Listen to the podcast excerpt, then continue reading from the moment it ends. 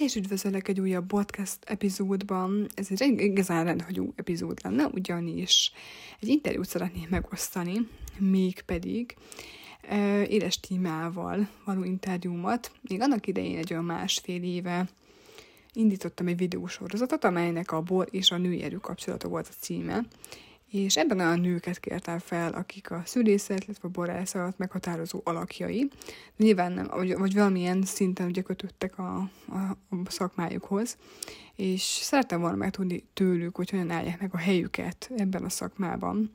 És nem csak szűrészeket, borászokat kértem fel természetesen, hanem voltak szomelék, volt, aki például egy Kádár feleségét is meginterjú voltam, voltak olyan személyek, akik például írók, szerzők, újságíró pozícióban voltak, és ebben ez az interjú, amit most meg szeretnék osztani, ez szintén egy podcastnek, podcast interjú, éles tímával a szóló borászattól, és őrülük azt kell tudni, hogy a Timi egyébként táji gyökerekkel rendelkezik, ugyanúgy, mint én, és annak idején a férjével együtt kezdtek bele a borászkodásba itt táján, és vettek területeket, és 2019-től ők igazából biodinamikus szemléletmódot követnek, és minél több technológiai lépés kihagyva, kizárólag szüretlenül adalékanyagok használata nélkül készítenek bort. Úgyhogy most ezt a interjút szeretném veled megosztani veletek, úgyhogy jó szórakozást!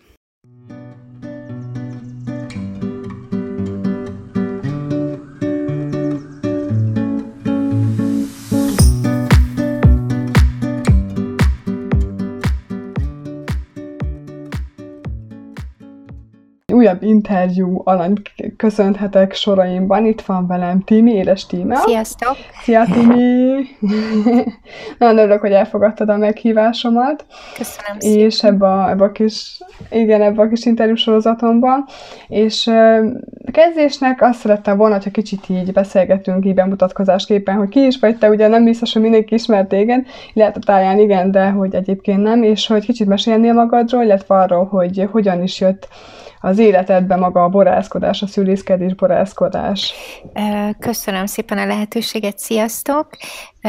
Igen, mi Dórival ismerjük egymást, ugye mindketten tájaiak vagyunk, és tulajdonképpen már ez meghatározta életemben azt, hogy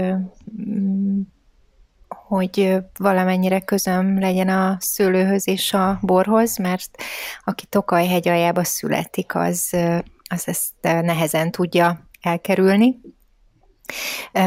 A mi családunkban több generációra visszamenően foglalkoztak szőlővel és borkészítéssel, a, például a déd nagypapám is borász volt, illetve a, a nagy, nagybátyám is borász volt, a nagypapám ő nem volt borász, de ő is mindig készített bort, tehát a, a családunkban a szőlő és a bor az, az egy természetes dolog volt, és amikor oda jutottam, hogy döntést kellett hoznom, hogy mik az értékek az életemben, és milyen irányba szeretnék tovább indulni, akkor azt gondoltam, hogy ez egy nagyon-nagyon fontos dolog, amit mindenképpen tovább kell vinni és meg kell tartani és ekkor döntöttem úgy, hogy egy kis parcellát átveszek a nagyszüleimtől, és én is elkezdek ott táján az 50 holdülő terméséből bort készíteni. Először ez 2009-ben volt, és aztán ez, ez így fokozatosan fejlődött bennem is, érlelődött, és a szőlőterületek is nőttek, a, az elkészített bormennyisége is, és ma már a férjemmel együtt közösen mi készítjük a szólóborászat borait táján. Igen, azt elfelejtettem mondani, hogy, hogy te a szóló pincészetnek a, e, vagy egy szóló pincészettől vagytok, tehát ugye maga a szóló név az rendkívül érdekes, úgyhogy már kérdeztem is, hogy honnan jön ez a név, hogy szóló, és akkor mondtad, hogy ez igazából egy meséből van, és hogy hogyan jött maga ez a ötlet, hogy esetleg erről kicsit mesélsz nekem, hogy hogyan jött maga a szóló, ez a név választás. Hát ez onnan jött, hogy, hogy mivel ez egy közös projekt a férjemmel, vagy egy, egy közös szerelem. Nem akartuk, nem akarta egyikünk sem kisajátítani a saját családjának, családnevének a borászatot, és úgy döntöttünk, hogy inkább valamilyen más névre, fantázia névre kereszteljük, és biztos sokan ismerik a Szólószőlő, Mosolygó, Almacsengő Barac című magyar népmesét, innen jött a, a név ötlet, és azt gondoltuk, hogy ez, ez még egy külön jó pofa, hogy, hogy lehet játszani a, a, a név vizuális megjelenítésével, hogy akár szólónak, akár szülőnek is lehet olvasni. Tehát mi azt gondoljuk, hogy a, a bor az tulajdonképpen a szőlőtőkén készül. Tehát nagyon a mi életünkben nagyon-nagyon fontos szerepe van a szőlőnek, és ugye természetesen abból készül a bor, tehát ezt is szerettük volna hangsúlyozni, hogy, hogy a, a szőlő az, ami itt, itt a leges legfontosabb a borkészítés során a szőlő minősége, a szőlő élete, tehát minden, minden ezen múlik. Úgyhogy valahogy így állt össze az egész. Uh-huh. Igen, nagyon érdekes, meg nagyon szép maga, meg egész dizájn is igazából, amit kialakítottatok, meg egy egészen hosszú idő, vagy út, utat tettetek már meg eddig. És te, mint nő, hogyan veszel részt igazából ugye a munkafolyamatokban? Tehát hogyan tudsz mondjuk te, mint nő kiteljeseni ebben a szakmára értem, tehát magába a borászkodásra? Tehát ugye azért most már azért szerencsére egyre több nő foglalkozik ezzel a szülészettel, borászkodással, de hogy ez nem, nyilván nem, nem volt ez nagyon így, és azért vannak ezeknek ilyen bizonyos korlátai ebben a szakmában, hiszen azért mi nők fizikai munkákat, tehát azért vannak korlátozások, amikben mi nők nem tudunk annyira kiteljesedni, de hogy te a te saját stílusodat hogyan találtad meg ebben a szakmában, vagy sikerült-e megtalálni? Hát igen, ezt jól mondtad, szerintem egyébként az egyetlen akadály az, azok a fizikai korlátok, de, de ez áthidalható, tehát hogyha ha van segítségünk, dolgos kezek mondjuk a, a borászatban, a pincében, akkor akkor ez nem jelent problémát, és a döntéseket ugyanúgy meg tudják hozni a nők, mint a férfiak, és a, a mm, szőlőtermeléstől kezdve egészen a, a palackozásig, vagy a, a címke megtervezéséig, vagy a borok eladásáig minden munka folyamatban ugyanúgy részt tud venni akár egy nő, mint egy férfi, és itt tényleg a kulcs, azt gondolom, az a, az a döntések meghozatala és akkor, akkor lesz valóban a, a, a tiéd, a termék, a, a borászat, hogyha, hogyha ezt a ö, saját képedre formálod, és ezt egy nő is megteheti ugyanúgy, vagy jelen mhm. esetben igen, én, én is, de többnyire együtt a, a férjemmel. Szóval szerintem ma már mhm. nincsenek ennek igazán akadályai, ezek ilyen sztereotípiák, amit szerintem az már, már abszolút elfelejthetünk. Nagyon sok szakmát ugyanúgy végeznek nők, mint, mint férfiak, igen, tehát igen. szerintem talán meghaladtuk már ezt, és hát igen, ez a Számomra ez nem, nem jelentett soha problémát. Nyilván egy tartályfedelet, egy 30 hektós tartályfedelét nehezen tudom leemelni, de, de ezeket át lehet hidalni, ezeket a problémákat. Hát persze, igen. Mhm.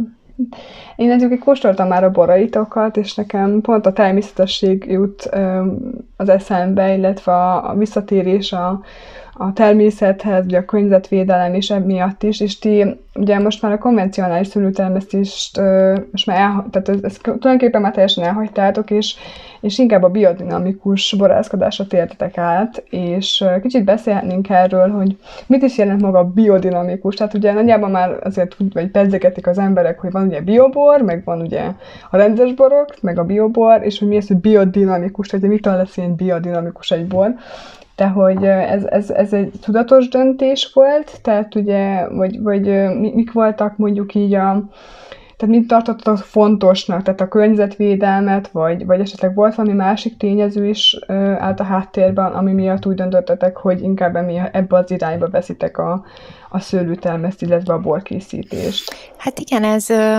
nem tudom, a józanész, azt gondolom, mi, mi valójában, amikor átvettük már a nagyszüleimtől a területeket, mi soha nem műveltünk konvencionálisan szőlőt, tehát amikor én ezt mhm. elkezdtem, az már annyira természetes volt, hogy nem szeretnénk semmiféle környezetre káros anyagot használni a, a szőlő termesztés során, olyan módszereket alkalmazunk, amik abszolút kíméletesek a, a környezetre.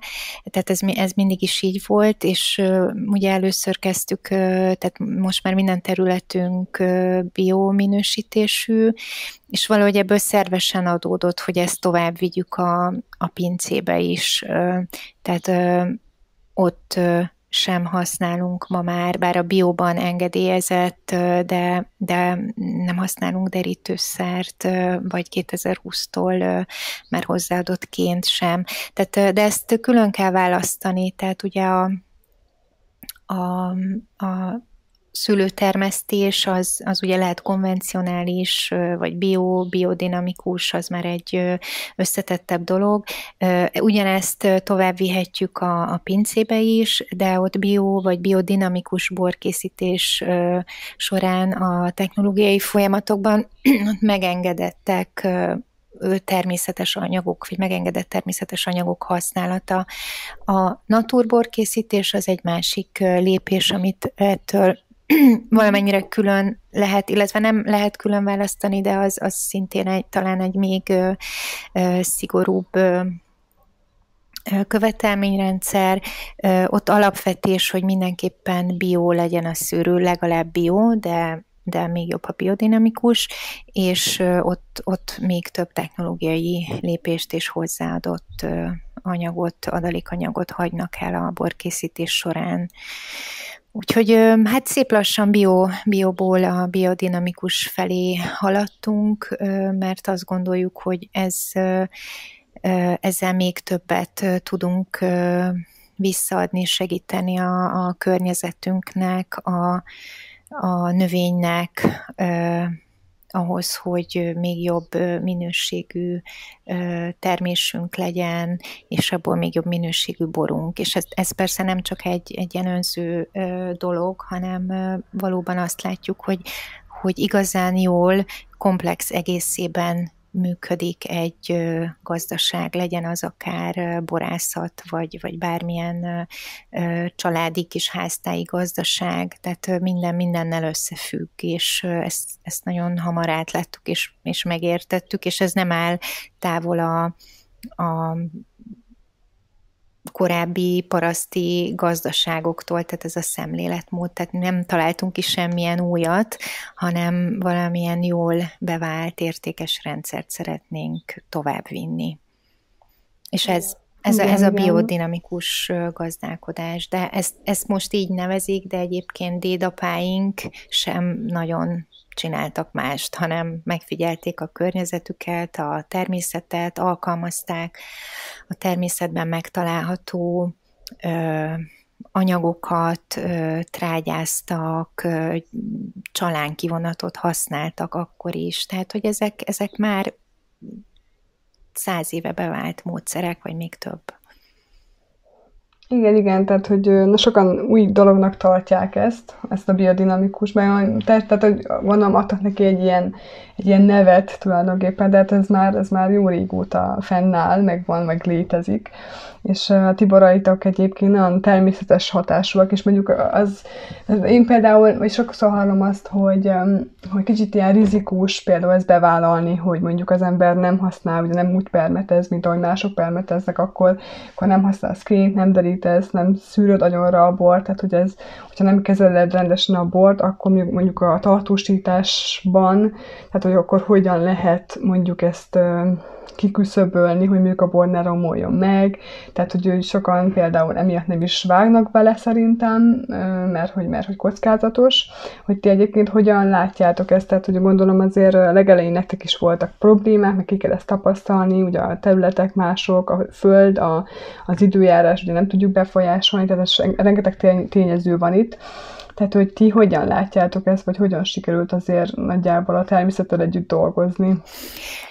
Valóban picit több kockázatot rejt, de, de én azt gondolom, hogy ennek az a kulcsa, hogy, hogy jelen kell lenni, tehát ott kell lenni a szülőben, figyelni kell a a környezeti hatásokat, az időjárás hatásait, hogy mikor kell beavatkozni, mindig időben kell. Ugye vannak bizonyos szerek, amiket mi is használhatunk, mondjuk minimális mennyiségben kénnel permetezhetünk, vagy, vagy mondjuk narancsolajat használunk, csalánkivonatot, de, de ezt mindig a megfelelő időpontban kell, és ahhoz ott kell lenni.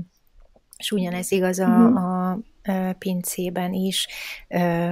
Na, nagyon, tehát sokkal jobban oda kell figyelni egy-egy bor életére, a, a tisztaságra nagyon oda kell figyelni, hogy, hogy ott ne induljanak el káros mikrobiológiai folyamatok, folyamatosan kóstoljuk, minden, minden változásra próbálunk odafigyelni, és mi megfelelő környezetet próbálunk teremteni a boroknak, hogy, hogy egészségesen tudjanak fejlődni.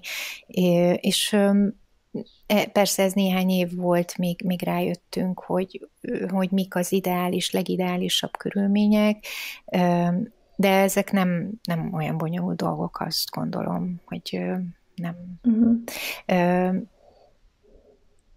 A szülőben pedig meg... én, bocsánat, úgy látom, hogy, hogy nem, nem állunk rosszabbul, mint a konvencionális termesztők, tehát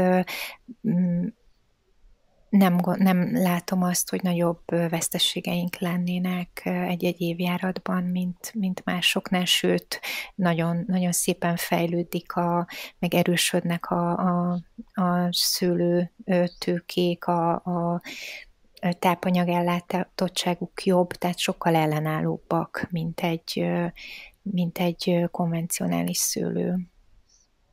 Uh-huh.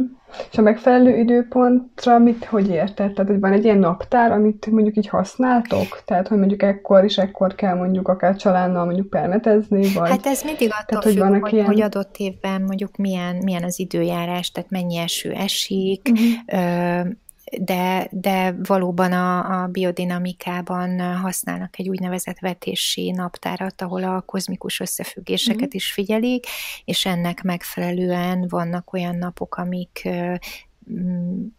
sokkal alkalmasabbak bizonyos munkafolyamatok elvégzésére, mint, mint más napok. Ezek föl vannak tüntetve, ezeket ilyen kozmikus együttállások alapján számítják ki.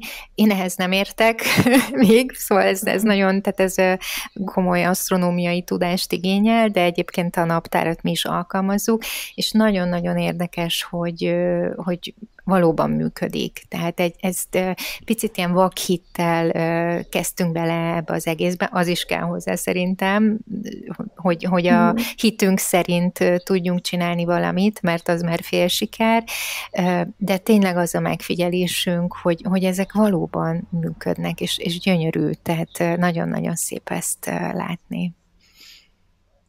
Igen, aha, tök jó. Egyébként nagyon-nagyon érdekes, engem nagyon érdekel, én is vettem egy például pont emiatt egy pár könyvet. Ugye ezzel sok irodalom magyarul nincsen, tehát a biodinamikus gazdálkodásról sok könyv nem, nem létezik így magyarul, tehát inkább külföldi. Egy külföldön egyébként én ezt láttam is, meg, meg voltam is olyan borászatoknál, akik kifejezetten ezt a biodinamikus gazdálkodást készít, vagy csinálják, és engem már akkor is felkeltette az érdeklődésemet és mindenképpen, ami, amire ki akartam még térni, hogy ugye milyen boraitok vannak, tehát egy kicsit a borokról is, hogy beszéljünk, hogy hányféle bort készítetek, tehát ugye itt Tokolhegyen ugye vannak a, a furmint házlevelű sárga tehát hogy megvannak ezek a ezek a szőlők, és akkor, vagy, vagy alkalmaztak-e még valami mást, tehát hogy van-e más szőlőfajta, amit itt szeretnétek bevenni későbbiekben? Hát nem, e, egyelőre, egyelőre mm, a tradicionális tokai szőlőfajtákat dolgozzuk föl mi is, és mi ezeket nagyon szeretjük, tehát én én uh-huh. imádom a furmintot, az, az nagy kedvencem, tehát egyelőre a férjemnek vannak mindig ilyen, ilyen titkos ötletei, újításai, tehát ő szeret nagyon kísérletezni, de, de én azt gondolom, hogy, hogy először ebből kell igazán jót készíteni, és akkor tovább léphetünk. Tehát még nagyon hosszú út áll előttünk, és, és ezt kell tökéletesíteni, és akkor majd lehet máshol is foglalkozni. De, de azt szerintem a furmint az egy nagyon-nagyon jó fajta, és Tokajnak a rendkívül jó adottságai vannak szerintem ilyen ilyen teruárral, ilyen ö, alapokkal ahhoz, hogy, hogy nagyon jó minőségű naturbor készüljön.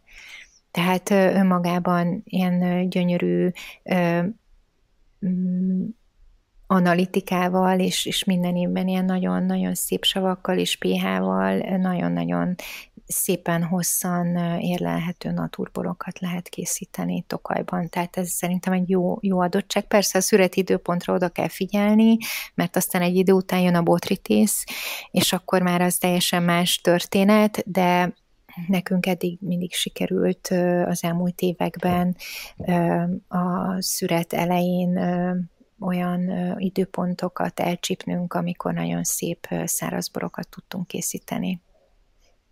Uh-huh. És készítettek azért asszukat is, vagy olyan vagy Igen, igen, esetleg, vagy tehát hogy, hogy mi nem, most nyilván egy édesbort nagyon nehéz szűrés-derítés és tartósítás nélkül palackálóan eltenni, tehát ezen is gondolkodunk, hogy vagy, vagy szeretnék, nem tudom, majd ilyen feljegyzéseket, vagy szakirodalomban adatot gyűjteni, hogy, hogy azért ez mondjuk néhány száz évvel ezelőtt hogyan történt. De igen, én, én nagyon fontosnak tartom Tokajban a, a tradicionális tokai borokat, és száraz szamorodnit is készítünk, édes szamorodnit, asszút, minden, hát adott években, amikor, amikor ez lehetséges, és szép botritis fejlődik a, a szőlőkön. Igen, én azt is nagyon, nagyon szeretjük, és készít, készül is hogyha lehet. Uh-huh. Hogyha, hogyha megengedi igen. a, id, meg igen, a, igen. A, igen, a időjárás, meg minden az évjárat.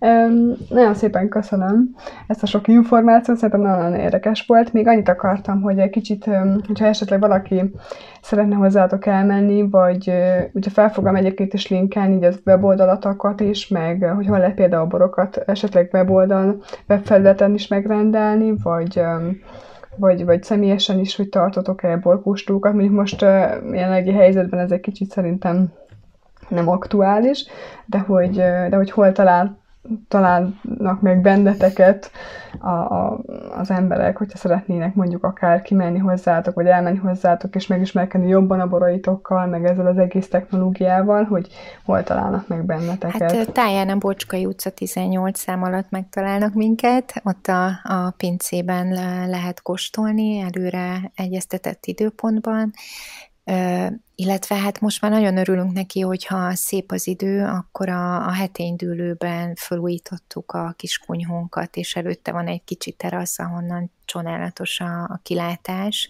és már össze volt alkalmunk néhányszor kimenni oda és ott kóstolni, tehát bízunk benne, hogy, hogy tavasszal újra találkozhat mindenki mindenkivel, és újra együtt lehetünk és akkor oda is ki tudunk menni kóstolni. Időnként Budapesten is néhány helyszínen tartunk kóstolót, a, a borainkat pedig közvetlenül tőlünk a pincénél lehet megvásárolni, vagy épp a napokban frissült és készült el a, a weblapunkon a megrendelési felület, tehát most már a szóló.com honlapról is lehet rendelni borokat közvetlenül.